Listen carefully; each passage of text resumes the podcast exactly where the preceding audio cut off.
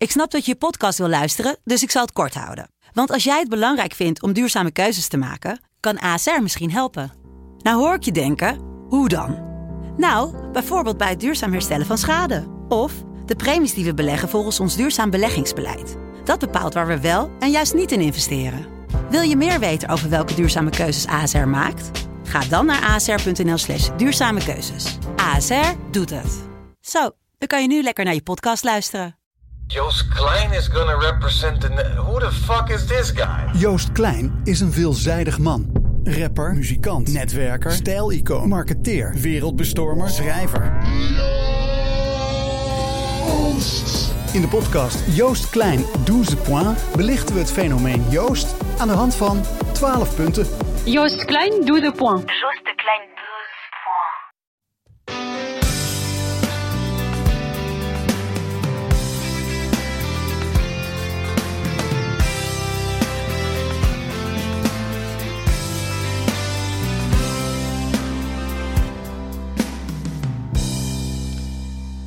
Voor wie dacht dat het, seizoen voorbij was, we zijn er weer.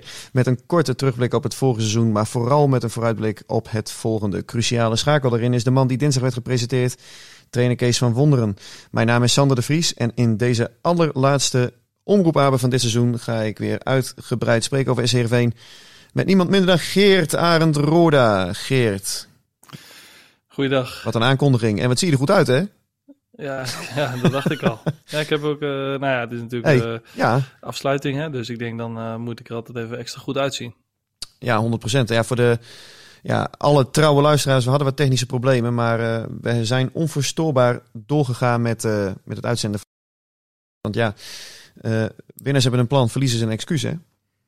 Oh, Mooi. jeetje. Ja, joh. Ik heb ook altijd zo- zoiets van, je moet je alleen druk, druk maken om dingen waar je echt invloed op hebt. De rest niet. Nee, en de Rodecaster uh, podcast set, die heeft in ieder geval geen invloed op deze, ja, op deze topshow. Want uh, we hebben weer een uh, half uur waarin we het wel en wee van SCRV uh, gaan bespreken. Ja, laten we beginnen met het uh, grote nieuws van vandaag de dag. Uh, het is uh, dinsdag, de podcast komt woensdagochtend online. Maar op dinsdag werd namelijk Kees van Wonderen gepresenteerd. Eindelijk. Hè, zijn komst die hing al maanden in de lucht. Maar de clubs, die, of vooral ja, Kees van Wonderen en SCRV, die wilden toch even afwachten tot na het seizoen. Wat ik overigens ook wel begreep met die laatste competitiewedstrijd uh, Heerenveen tegen Go Ahead op het programma.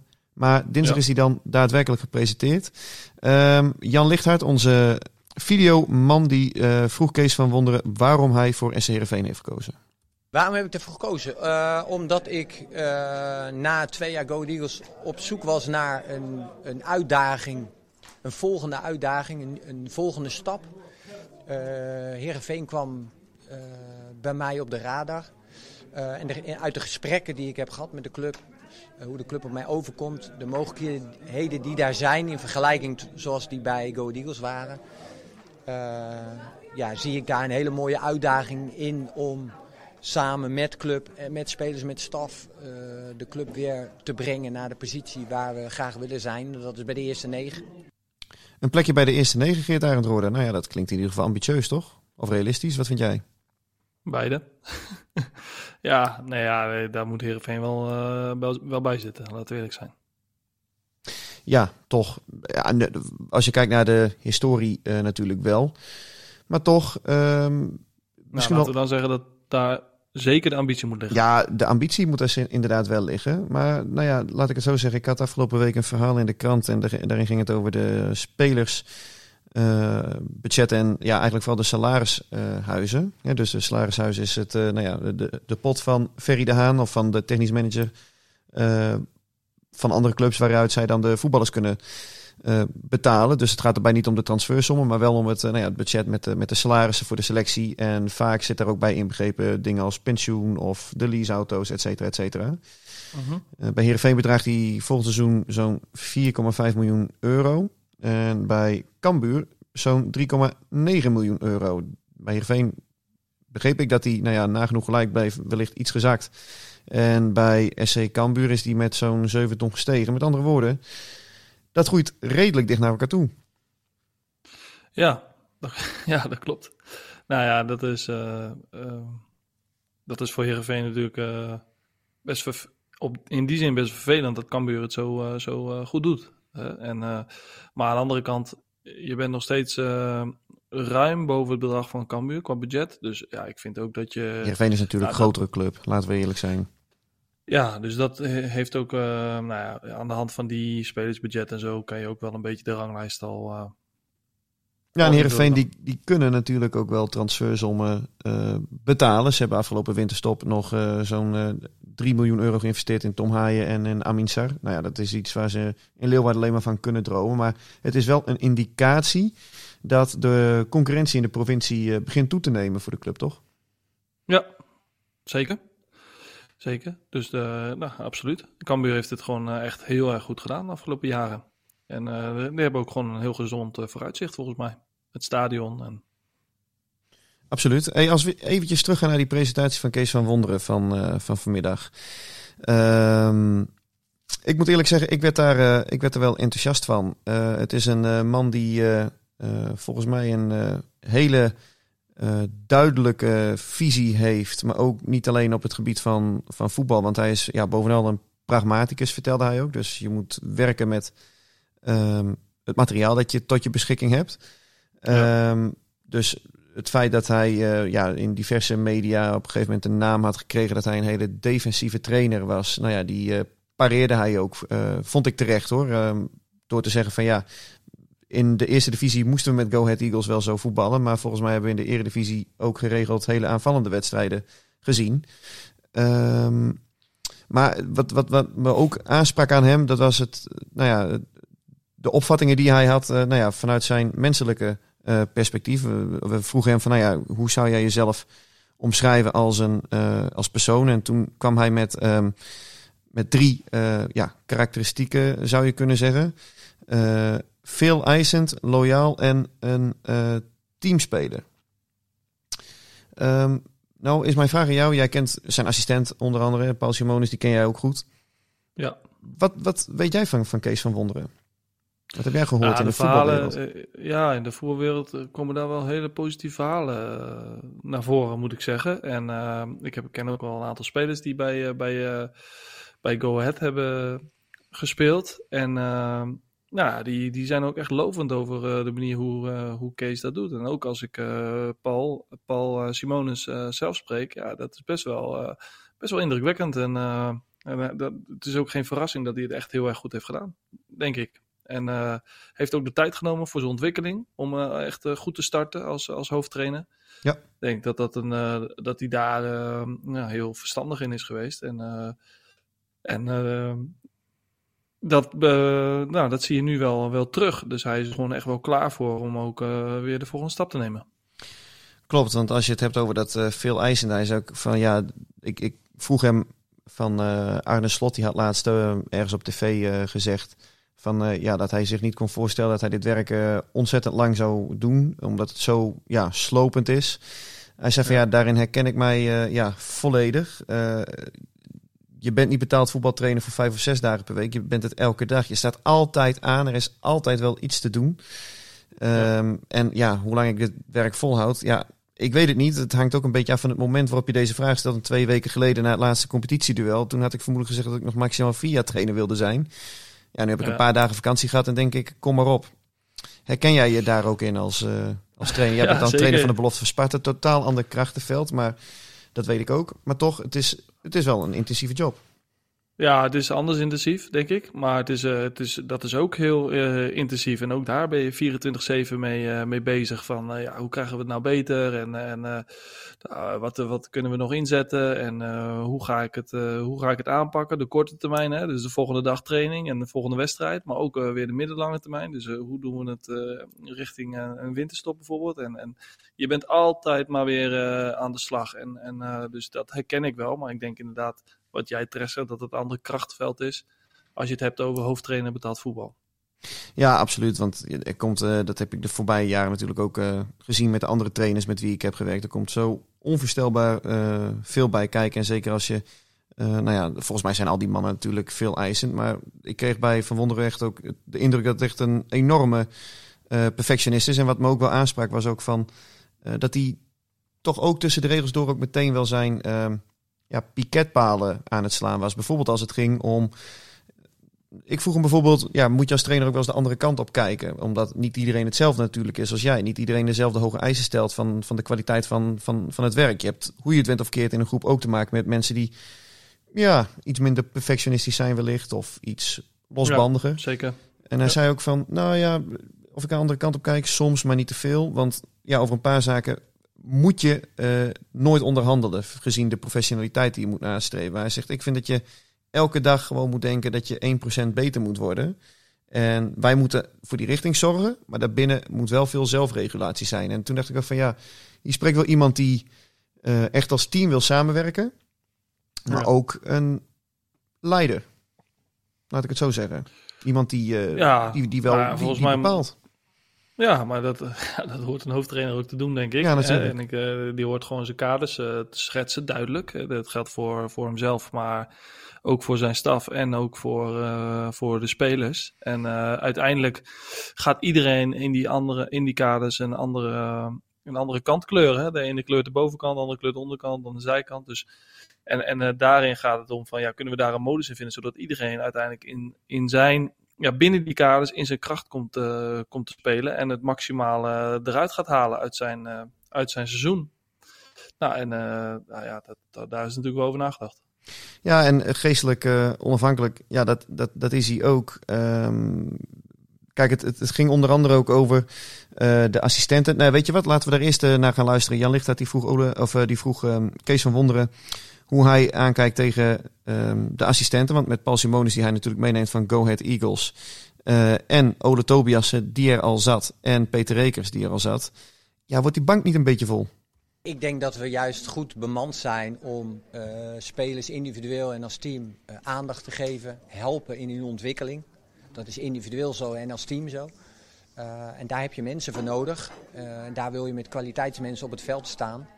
Eh, en ik denk dat we dat eh, hebben, dat die voorwaarden er zijn. En dus dat we kunnen werken op een manier zoals we eh, willen werken. Eh, en gaan we kijken naar de, naar de net wat grotere clubs. Daar is het niet anders. Daar zijn veel, zelfs nog meer eh, stafleden aanwezig om het team dusdanig te faciliteren dat ze zich kunnen ontwikkelen. Eh, en dat is hier ook zo. Ja, klopt dat Geert? Dat er bij andere clubs nog meer mensen op de bank zitten? Ja, ja zeker. Dat klopt zeker. Ja, ik, eh, ik had laatst een stukje over die, eh, het ging over die assistent van eh, Pep Guardiola. Die naar Heracles zou, gaat. Of zou gaan. Ik moet, dat moet ik allemaal nog maar even wachten hoe dat zich ontwikkelt. Maar. Maar daar geloof ik dat er vijf directe assistenten naast Pep Guardiola zitten. Dus ja, dus, dus het klopt zeker. En, en nou ja, dan heb je het nog niet eens over de rest van de staf. Hè? Dus dat benoemt hij ook wel even volgens mij. Ehm, dus ja, die, die, die, is- dat is gigantisch joh. Je kijkt maar eens naar, een- naar bijvoorbeeld een Champions League wedstrijd. Hoeveel, en eh, iemand eh, heeft wat gewonnen. Hoeveel mensen dan een medaille op komen halen. Ja. Ja, dat is, eh, dus, het, dus het is niet... Ja, het is in Nederland nog een beetje... vaak zie je inderdaad een één assistent-trainer en dan zie je nog een assistent-trainer. Dus twee assistent-trainers vooral, actief, het werkveld. Alleen, en een keeperstrainer heb je dan vaak nog. Alleen, ja, het is natuurlijk niet eh, heel raar gedacht dat daar nog een assistent bij kan. Nee, en toch heb ik wel het idee dat er nog wel iets gaat veranderen in die technische staf. Ehm, Dat zou heel goed kunnen, ja. met Ole Tobias, eh, laten we met hem beginnen. Die natuurlijk ehm, ja, aan, aan het grote werk heeft geroken. Het heeft ook, eh, hij heeft het ook goed gedaan. Hij heeft de voorbije weken altijd gezegd van ja, ik ga moeiteloos weer terug in mijn rol als assistent-trainer. Omdat ik ook in de wetenschap heb getekend een jaar geleden. Hè, voor twee seizoenen heb getekend in de rol als assistent-trainer bij SC Heerenveen. Maar hij heeft nu aan de job ehm, ja, geroken. Eh, hij moet dus ook een stap terug doen. Daar had ik eh, eh, Kees van Wonder ook naar gevraagd. En hij zei van ja, ik heb zoiets zelf ook meegemaakt toen ik de trainer was bij Oranje onder 17. En toen werd ik gevraagd om assistent bondscoach te worden van Ronald Koeman bij het Nederlands elftal. Maar ik merkte vrij snel dat ik in die rol mijn ei niet kwijtkom. Je bent opeens faciliterend, je bent ondersteunend. En ik heb met Koeman geprobeerd om daar een modus in te zoeken. Maar ja, het werd er toch niet wat ik... Ja, ik, ik was er niet, eh, niet gelukkig. En ja, dan hou ik ook... eh, ja, nu parafraseer ik hem eventjes, de eer aan mezelf. En eh, eh, dan moet je iets anders gaan doen. Dus hij zei, ik snap wel... Hij zei nogmaals, ik praat alleen voor mezelf, maar ik snap wel dat dat lastig kan zijn. Hoe Ja. kijk jij er als trainer naar? Nou ja, dat, dat, eh, denk ik ook. denk dat, ik denk ook dat het uh, persoon uh, naar moet zijn. Kijk, je hebt ook, nou, laat ik het maar eens even zo zeggen, je hebt typische hoofdtrainers. Dus trainers die echt de beslissingen willen nemen, echt het willen, echt het willen managen en het ook kunnen. Het moet ook bij je karakter passen en bij je, bij je skills. Maar je hebt ook de typische assistenttrainers die eigenlijk heel goed zijn in, het, in dat, het ondersteunen, het faciliteren, het op de achtergrond heel hard het verschil maken. En, en nou, ik denk dat het heel belangrijk is voor, om voor jezelf achter te komen van ja, wat past nou precies bij jou als persoon? En, en hoe haal je dan voor jezelf het maximale uit jouw carrière als trainer? Mm. En, en ja, heb je daar dan ook vrede mee? En ik denk dat dat, zeg maar, dat dat heel belangrijk is. En, en van daaruit kan je denk ik voor jezelf heel makkelijk invullen van ja, kan ik nog die stap terugmaken of gaat mij dat gewoon een opdracht zwaar worden? Nou ja, ik had Ferry de er ook naar gevraagd en die zei van um, uh, dat vooralsnog blijft die technische staf ongewijzigd te zijn. Maar ik vind het ook alleen maar goed als trainers een bepaalde ambitie hebben. Dat, dat moet bij deze, deze club ook passen. En hij zei, ik vind dat je sowieso, um, als er interesse voor een van je medewerkers komt, dat je daarna moet luisteren. En ja, nou vul ik hem voor mezelf in, maar ik bespeur daarin nou niet echt... Um, hij had ook kunnen zeggen van nee, uh, Ode Tobias blijft toen ook bij Hij heeft zijn meerwaarde bewezen. En uh, wij willen hem per se hoe dan ook bij die staf houden, want hij heeft nog een contract. Hij proeft nou niet heel veel warmte, laat ik het zo zeggen. Het, en ja, stel je voor, je bent ook een, een Peter Rekers die nou een jaar geleden toch als de grote uh, trainersbelofte, assistent bondscoach bij uh, de belofte van het Nederlands elftal. Um, bij Heracles was hij de eerste assistent naast uh, Frank Wormoed. Ja, nu is hij eigenlijk na Van Wonderen, Simonis, Ole Tobiassen.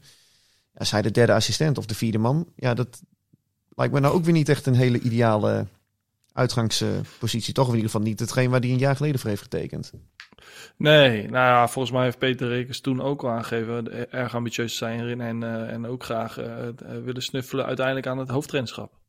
en, dus... Daar past dit niet bij, toch? Nee, daar, past, daar zou dit beeld niet helemaal goed bij passen. Alleen ja, in het voetbal ben je gewoon afhankelijk van, van omstandigheden die zich, die zich voor gaan doen. En dit is er zo eentje. Van, ja, er, verandert gewoon, er is gewoon heel veel veranderd in dit seizoen bij Heerenveen. En dat gaat zich nog even doortrekken tot aan, ja, tot aan nu eigenlijk. En, en, maar ja, ik sluit natuurlijk niet uit dat dat nog niet helemaal klaar is. Als we nou een korte terugblik hebben op dit seizoen, want dat lijkt eigenlijk alweer een hele tijd geleden dat SCRV verloor in Alkmaar voor de play-offs waarmee het seizoen ja, afgelopen was. Ja, hoe kijk jij nou terug op deze jaargang, Geert?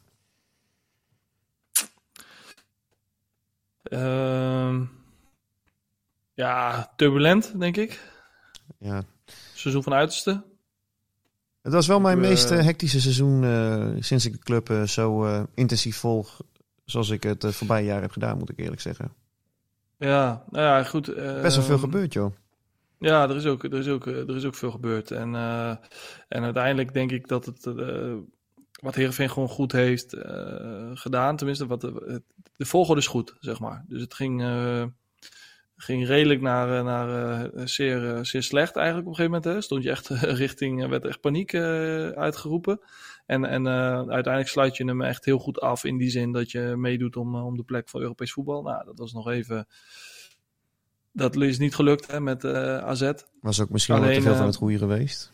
Mm, ja, achteraf denk ik zeker. Ik denk dat het, AZ heeft er echt in uitwedstrijden in de play-offs niet, niet heel goed verkocht. Maar in thuiswedstrijden waren ze buitengewoon degelijk en goed genoeg. Mhm. Dus uh, dat was misschien nog net even een brug te ver. Maar het gaat mij erom dat je er goed hebt afgesloten. Waarbij er ook gewoon positiviteit en nieuwe energie loskomt binnen zo'n club. Wat, wat uh, natuurlijk erg waardevol kan zijn om, uh, om zo meteen weer te beginnen. Ja, natuurlijk. Die seizoenen die, die volgen zo snel op elkaar. Dat je bijna alweer gaat beginnen aan de voorbereiding. Ja, de 25ste. Dan, dan barst het feest weer los. Uh, en ja. wat je zegt, dat klopt ook helemaal natuurlijk. Want je kan beter heel goed eindigen. Dat is ook goed voor het sentiment, goed voor de seizoenkaartverkoop, goed voor de sponsoring. Precies. Daar gebeurt het allemaal natuurlijk op het veld. En ja, laten we dan voor de club in ieder geval maar, maar hopen dat er ehm, ja, nu wel um, vroegtijdig geïnvesteerd kan gaan worden. Dat er ook vroegtijdig gehandeld gaat worden op de transfermarkt. Want als je kijkt naar de selectie voor volgend seizoen nou, nou, daar moet echt nog wat gebeuren. Het is echt bizar. Ik heb een, uh, Excelletje heb ik aangemaakt met de posities die er eh, ja, eigenlijk nu vast liggen. Nou ja, laten we bij Ja. de keepers beginnen, Geert. Met Noppet en Maus. Bekkema nog als derde man. Kunnen we een groen vinkje Ja. achter zetten, toch? Dat is even goed. Ja, denk het wel. Denk dat dat, eh, dat drie keepers en als er dan nog een talentvolle keeper in de onder 21 loopt, dan denk ik dat je prima zit. Nou, centraal achterin, eh, aan de linkerkant Van Beek. Met erachter Van Aken en Van Ottelen. Van Aken, die, eh, dat gaat wel goed komen, zei Ferry de Haan. Dus die gaat vermoedelijk een eenjarig contract krijgen. Ehm, nou ja, dat is op zich goed nieuws in die zin dat het, als hij fit is, is het een, ja, gewoon een meerwaarde en ook een echte Heerenveen-jongen. Maar goed, dan moet hij wel fit zijn. Van Beek, Van Aken en eh, Van Van. En dan mis jij Bogniewicz. Is dat genoeg, denk je? Nou ja, Ja, je bent ook een beetje afhankelijk van... van hoe fit die jongens blijven. Kijk, ik merk het zelf ook aan mijn eigen selectie wel, als trainer zijn. Je bent ook een beetje eh, eens, dat is belangrijk, eh, dat jongens fit zijn. Maar ook, eh, ja, je hebt ook wel veel... Als je zometeen een speler gaat halen die, die, die ja, multi-inzetbaar is. Dus eh, als je een speler haalt die eh, in principe rechtsback is, maar ook goed centraal kan. Maar ook goed eh, op, eh, controlerend op het middenveld. Dus een- driehoekspeler. Ja, dan, dan ben je natuurlijk ook spekkoper uiteindelijk. Dan hoef je natuurlijk, heb je natuurlijk minder nodig. Mhm. Bij de Dus- backs, ja, dat is dun. Met Kuiper op links, Van Ewijk op rechts. Daar moet echt nog aan beide kanten iets bij natuurlijk. Ja, daar moet wel wat achter. Ik weet niet of ze daar eh, iets achter hebben. En die, vanuit de jeugd misschien? Nou, ja, Nunu Meter die heeft er wel eens gespeeld volgens mij. eh, Maar dat is Ja, toch meer een, eh, een, ja. een middenvelder. Maar daar, daar, ja, dus je, daar je, gaat je hebt wel gewoon een, aangevuld worden. je hebt gewoon een back nodig die de concurrentie in ieder geval aan kan gaan met Kijp. En dat ja, liefst nog iets beter is, zou je zeggen. En Van Ewijk is natuurlijk wel onomstreden. Maar dat is ook gewoon een jongen die geld zou kunnen opleveren. Volop in de Ja, belangstelling bij is ook al een diverse speler die... Ja, precies. Dus dat is ook maar de vraag of hij, of hij nog blijft, denk ik. Zeker. Ehm, Ja, daar moet wel wat bij natuurlijk. Met één back op beide kanten, dat is eh, allebei één back, dus twee backs. Dat is Ja. natuurlijk wel eh, veel te dun. Geldt ook voor Sven van Beek, die natuurlijk ook een goed eh, seizoen heeft gehad. Hè, daar heeft nog wel een Ja. jaar contract. Maar ik kan me ook voorstellen dat die jongen nog een keer een stap wil gaan maken naar het buitenland. Heeft hij nog nooit gevoetbald. Dus Ja. Vooralsnog is dit de linie waar eh, samen met de keepersposten waar de minste zorgen zijn als het gaat om de personele bezetting. Maar ja, ook hier moet wat bij. En er kan ook nog wel het een en ander gebeuren. Maar als we naar het middenveld gaan, ja, dan wordt het eh, krap. Want met Haaien en Tahiri heb je twee controleurs. Heb je op dit moment volgens mij ja, niet echt iets achter. Want er zijn diverse jongens eh, vertrokken.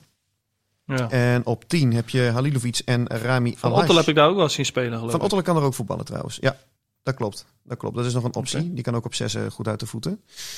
Ja. Ehm, maar ook daar is het wel dun. ja, Tahiri Ja, kan blijft moeilijk- natuurlijk. Eh, Tom Haaien, nou ja, er is al belangstelling voor uit de League 1. Ehm, ja. ja. je zou haar zeggen van krijg je er 3 miljoen voor een strikker om en, eh, en wegdoen toch? Ik bedoel, sneller kun je niet verdienen. Nee, dus, eh, zo snel heb ik ze nog nooit verdiend in mijn leven, kan ik je vertellen. Nee, maar ja, nee, ja, goed. In het middenveld, Halilovic heeft hij nog eh, doorlopend. Ja, heeft hij nou nog, eh, nog een, eh, een contract. En ik verwacht eerlijk gezegd dat hij wel gaat vertrekken. Volgens mij heeft hij nog een contract tot 2024. Dus als je dan ook nog iets aan hem, nog een behoorlijk bedrag wil verdienen. ik denk dat je blij mag zijn met anderhalf miljoen of zo. Ja, dan. ja, ik denk dat je dat, ja, ik denk dat dat wel heel veel is hoor. ja, denk ik ook. Want hij heeft natuurlijk niet een goede tweede seizoenshelft gespeeld. Nee. Nee, maar oké, dus dan moeten we ervan uitgaan dat hij blijft. Kijk, als je zeg maar op, eh, als je op speculatie gaat handelen, dan. eh, nee, dit, ja, is, dan, dit is eh, wat het nu is. Ja, precies. Ja. Ja, dus daar, daar gaat nog wel wat bij komen. In principe zijn de posities bezet. Alleen, ja, nogmaals, volgens mij was ook wel duidelijk, tenminste, dat is ook even persoonlijke mening, zijn het wel drie een beetje dezelfde type spelers ehm, die daar, die daar eh, staan. Dus ja, dat, dat daar nog wat bij komt, dat lijkt me wel heel duidelijk. Alleen, eh, ja, hoe dat eh, vormgegeven wordt, dat is ook afhankelijk van de manier hoe Kees Vonder het ziet. Hè? Hoe wil hij, hoe wil hij zijn speelwijze gaan uitrollen? Ja, en, dat, ja. en dat heeft natuurlijk, wel, heeft natuurlijk wel invloed op het aankoopbeleid. Hij, zei, hij zei dat hij nou niet echt bepaald geloofde in systemen hoor. Nee, dat geloof ik ook wel. Dat is ook niet meer van deze tijd, eigenlijk. Ja, dat zei hij ook. Het gaat meer om, gaat meer om principe. Ja, Kees en ik eh, zijn, eh, zijn natuurlijk eh, altijd Zielsverwanten. goed. eh, ja, wij, wij kunnen heel goed met elkaar. dat is niet waar trouwens. Maar ehm, ja, dat is niet meer van deze tijd. Dat, is, dat, is, dat was vroeger zo, 4-3-3. Punt naar voren of punt naar achter. Dat was een beetje het verschil. Mhm. En als het team, ene team goed was, die speelde dan met de punt naar voren. En het team wat wat minder was, speelde met de punt naar achter. Ja, dus zo werkt het nu meer. Gaat nu vanuit, eh, vanuit principes van waar is de bal en eh, eh, hoe staat de tegenpartij. En nou ja, dat. Alleen, ja, het is natuurlijk wel wenselijk als je een, verschillende types hebt op het middenveld. Ja. Denk ik. Dat is persoonlijk voorkeur. Maar- Zo, over types gesproken. Ja, ik geen flauw idee of hij in, eh, in beeld is hoor. Maar ik heb die play-offs heb ik gevolgd. Geweldige wedstrijden van Excelsior. Want ik heb ze, eh, de laatste vier heb ik allemaal gezien. Tegen Heracles twee keer en tegen eh, ADO. Ja. Maar die hebben dus een middenvelder. Wiever bedoel je? zo, Wiever. dat vond ik een goede speler ik- man. Die vind ik ook fantastisch. Maar die is denk ik niet, die is denk ik niet te betalen, joh. Maar dat is, echt- kom op man, Excelsior. Is ja, niet maar te betalen. Schouten, Jerdy Schouten ging ook van Excelsior gewoon naar Italië. Die speelt nou in het Nederlands elftal. Dus ehm dus, eh, die, die jongens, die, eh, hij is echt goed, man. Zo, En maar dit ik zag bij de- elke aanval zag ik die krullenbol in de, in de 16 zag ik Ja. komen daar. Het deed me een beetje denken aan, eh, aan het hele goede jaar van, van Michel Flap. Dat hij ook met Lammers toen samen speelde. En elke keer als die bal in de 16 kwam, dan, dan was Flap op de afspraak. En dat had deze Ja. jongen ook. Ja, Flap heeft speelde natuurlijk speelde toen wel wat hoger op het veld Zeker, hè, in, zeker. eh, in, in, in, eh, in de structuur. Maar ehm, ik vond hem ook eh, opvallend. Maar ik vind hem eigenlijk heel het seizoen al eh, opvallend hoor, die Wiever. Dat vind ik wel een goede speler. Dus dat, eh, ja, ik weet het niet. Maar ik denk dat hij niet, ik denk dat hij niet haalbaar is. Zo, dat is best wel eh, confronterend dan. jongen van wie ik eigenlijk nog nooit eh, had gehoord tot eh, eind ja, deze maar maand. jij, eh, ik ja, volg het dan ook het, gebeurt een beetje in mijn regio, hè? De regio waar ik Ja. zit, daar gebeurt het allemaal. Dat Maar jij, jij, allemaal, jij wist dus al dat hij het hele jaar gewoon goed was.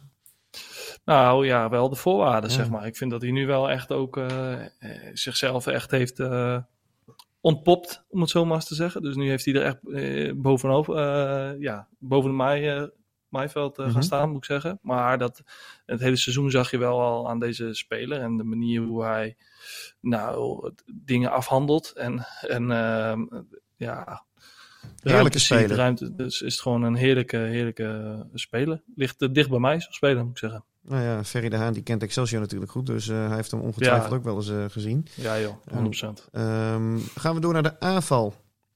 Linksbuiten heb ik nu als enige Arjen van der Heijden. Daarachter staan eh, bij mij drie vraagtekentjes. Eh, in de spits Amin Sar. Met daarachter weer drie vraagtekentjes, want er is nog geen backup. Sidney van Hooydonk.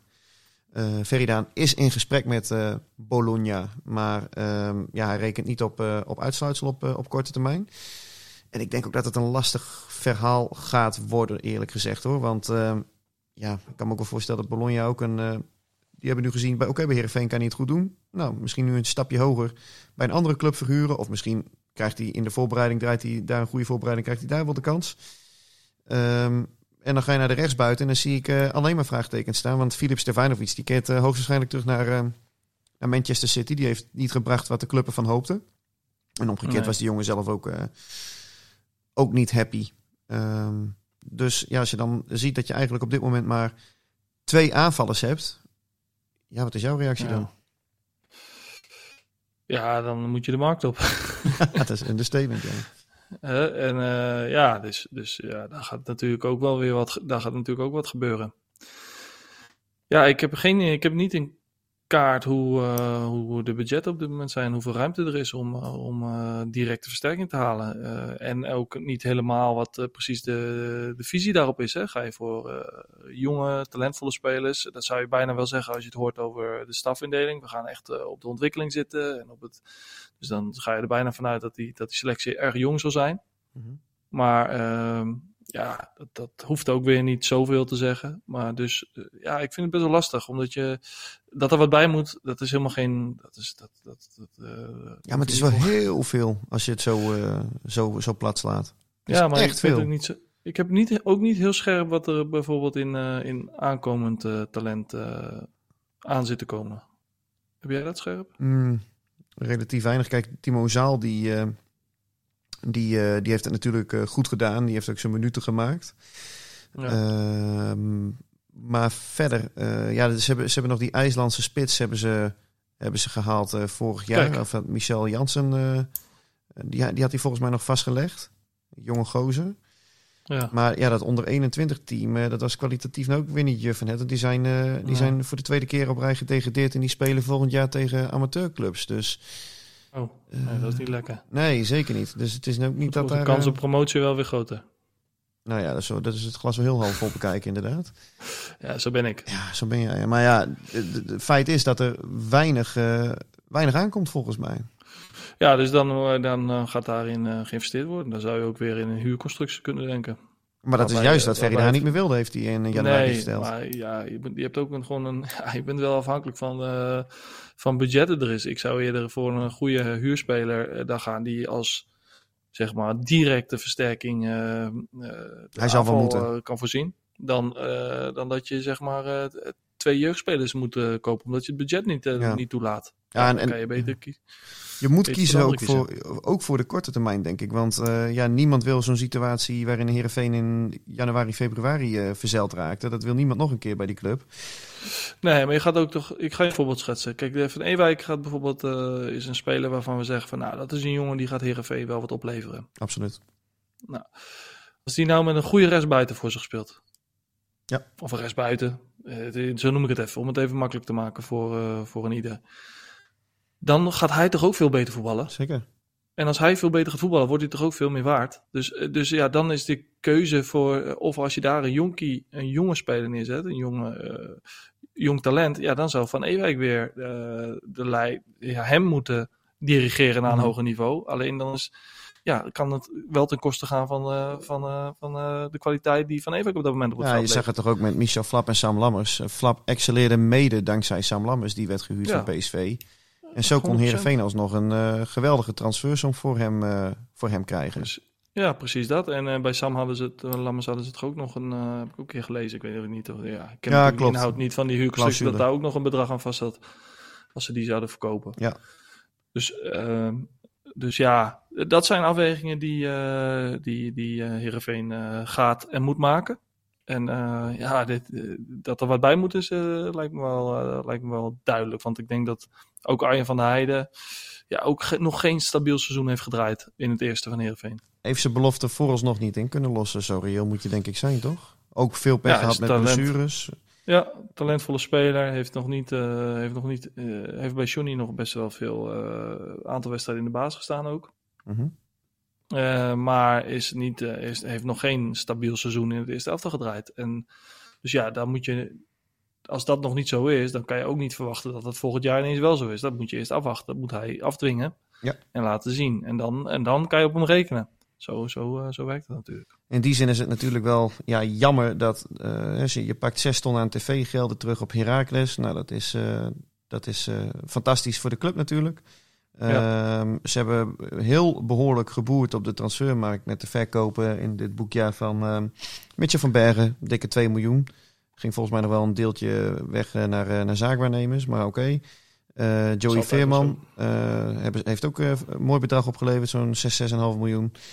Eh Congolo is natuurlijk van de loonlijst al eerder gegaan. Nu gaan er heel veel andere jongens die ook eh, behoorlijk verdienen, zoals Siem de Jong, Drezefiets, Mulder, Woudenberg, die gaan allemaal weg. Dus in die zin heeft Haan wel wat meer mogelijkheden in zijn salarishuis. Maar het liefste eh, wil je natuurlijk dat het salarishuis omhoog wordt gekrikt als je die 6 ton aan tv-gelden terugpakt. Nou, ze hebben bijvoorbeeld ook nog een mooi doorverkopen of opleidingsvergoeding van, eh, van Jerry St. Justin nog gekregen, die een toptransfer heeft gemaakt. Dat was ook zo'n 3 ton, had ik eh, eh, begin vorige maand geschreven. Het stroomt binnen. Ja, dat, dat stroomt dan binnen, maar dat heeft dus nou niet direct een positieve consequentie voor dat salarishuis. En dat is natuurlijk wel jammer. Het liefste Ja. wil je natuurlijk dat je dan zegt van oké jongens, drie ton opgehaald met eh Sint-Just. Eh, mogen wij besteden eh, door nog eh, twee goede voetballers te kunnen betalen, bij wijze van. Ja, ik denk dat je organisatorisch ook nog wat goed te maken hebt. Ja, zeker. Dus daar, daar, moet ook weer, daar moet ook weer een, een deel naartoe. Ja, het zal wel percent, percentueel weggezet zijn. In die zin van nou, percentage terug naar, naar de voetbalafdeling, een percentage terug naar de organisatie. Ja, dat, ook dat, dat, daar ken ik de inhoud niet van. Dat lijkt mij logisch. Maar ik denk wel dat. Nou ja, ik denk dat het inderdaad. Dat het makkelijker wordt eh, voor, eh, voor eh, Ferry om een goed elftal neer te zetten als het salarisbudget wat omhoog kan. En je hebt nog wat eh, transfergeld te besteden. Dan, kan je, dan kom je in een andere categorie spelers dan dat, je dat, dan dat het lager is. Zeker. Dus werk aan de winkel al met al. Ehm, ja, we, we zijn er zo ongeveer Mooi wel, denk zomer. ik. Of niet, Geert? Ga je nog weg? Vakantie? Ja, ik ga nog weg op vakantie. Ik ga nog zeker met vakantie. Dat heb ik. ik ga naar Spanje. Dus dan een weekje. In eerste instantie. En dan in juli eh, heb ik weer een week vakantie. Ja, het kan bijna niet op die vakantiedagen die ik, eh, die Man, ik man, krijg. man. Dan gaan we weer een weekje naar Spanje. Dus ja, je zou zomaar denken dat Spanje mijn favoriete vakantieland is. Ja, zeker. en hoe zit, hoe zit jij? Eh, Griekenland. Vind ik altijd lekker. Altijd lekker. Gersonisos. Nee, eh Galdikiki. Oh. Gersonisos was iets van, van, van vroeger jaren, hè? Ja, dan weet ik niet hoe jij, dat, eh, hoe jij, dat, hoe jij jouw leven daarin invult. Nee, dat weet ik niet. Ik, eh, ik, ik lig nu gewoon heel, heel rustig op het strand. Beetje, beetje duikje in het zwembad. Hè? Wanneer ga je? Want je mag niks missen, hè? Ja, nou ja, ja, ja, ja, ja, ja. ja ik, ik mis toch de, de tweede speelronde. Die mis ik. Want eh, de KVB en ja, ik geef eigenlijk gewoon de UEFA de schuld. En de FIFA eigenlijk. Want die hebben ervoor gekozen om die competitie zo asociaal vroeg weer te gaan starten. Begin augustus al, hè? eerste weekend. We hebben ergens nog een WK, toch? In eind van het jaar. Ja, klopt. Dus eh, ja, vandaar dat... eh, ehm, Ja, het is, eh, het is, het is echt... Het is bijna onverantwoord hoeveel wedstrijden er worden, er worden gespeeld. Het is, eh, ja, het wordt een heel apart seizoen natuurlijk eh, volgend jaar. ja. Ja, dat denk ik ook. Lange break. Misschien, misschien, ja, misschien nog een trainingskampje in november. Ja, als het WK wordt gespeeld voor de jongens die niet meegaan. En eh, ja, laten we toch eh, zonder, eh, zonder cynisme gaan zeggen dat Herenveen wel eens meer internationals heeft gehad. Dus ik, ik denk dat best wel veel spelers gewoon in Friesland blijven. Nou ja, Ja, die, die moeten ik kan me wel doortrainen. herinneren. Ik kan me dat wel herinneren. Ja, dat er een tijd was dat er echt eh, nog vier spelers op de club waren, bij wijze van Ja, tuurlijk, maar dat is het- van, Ja, dat is, ja dan is kon je, iedereen? potje, eh, kun je een potje tienen, maar dan houdt het ook wel op. ja, dan eh, krijg je ook maar een paar dagen vrij. Want ja, dat is toch weinig, dat is weinig te doen. Ja, dus dat is nu wel anders. Dus nou ja, fijn. Dat gaan we allemaal uitgebreid beschouwen. We zijn er een paar weken niet. En eh, ja, zodra de bal eh, weer echt eh, begint te rollen en het om het echtje gaat, dan gaan wij ons weer melden aan het front. Ja, lijkt me verstandig. Gaan we doen, jongen. Dank allemaal voor het luisteren bij het allereerste seizoen van Omroep Abe. Ja, medio, eind juli, begin augustus zijn wij weer. En dan praten we uiteraard weer alles over, ja, over SCRV, het wel en wee. Toch, Geert? Jij bent er ook weer, toch? Lijkt me, g- ja, ik denk dat we dan een hele voorbereiding er al op hebben zitten. Dus dan kunnen we, ja, dan eh, weten we al heel veel weer. 100% man. Hey, tot dan. Hoi hoi.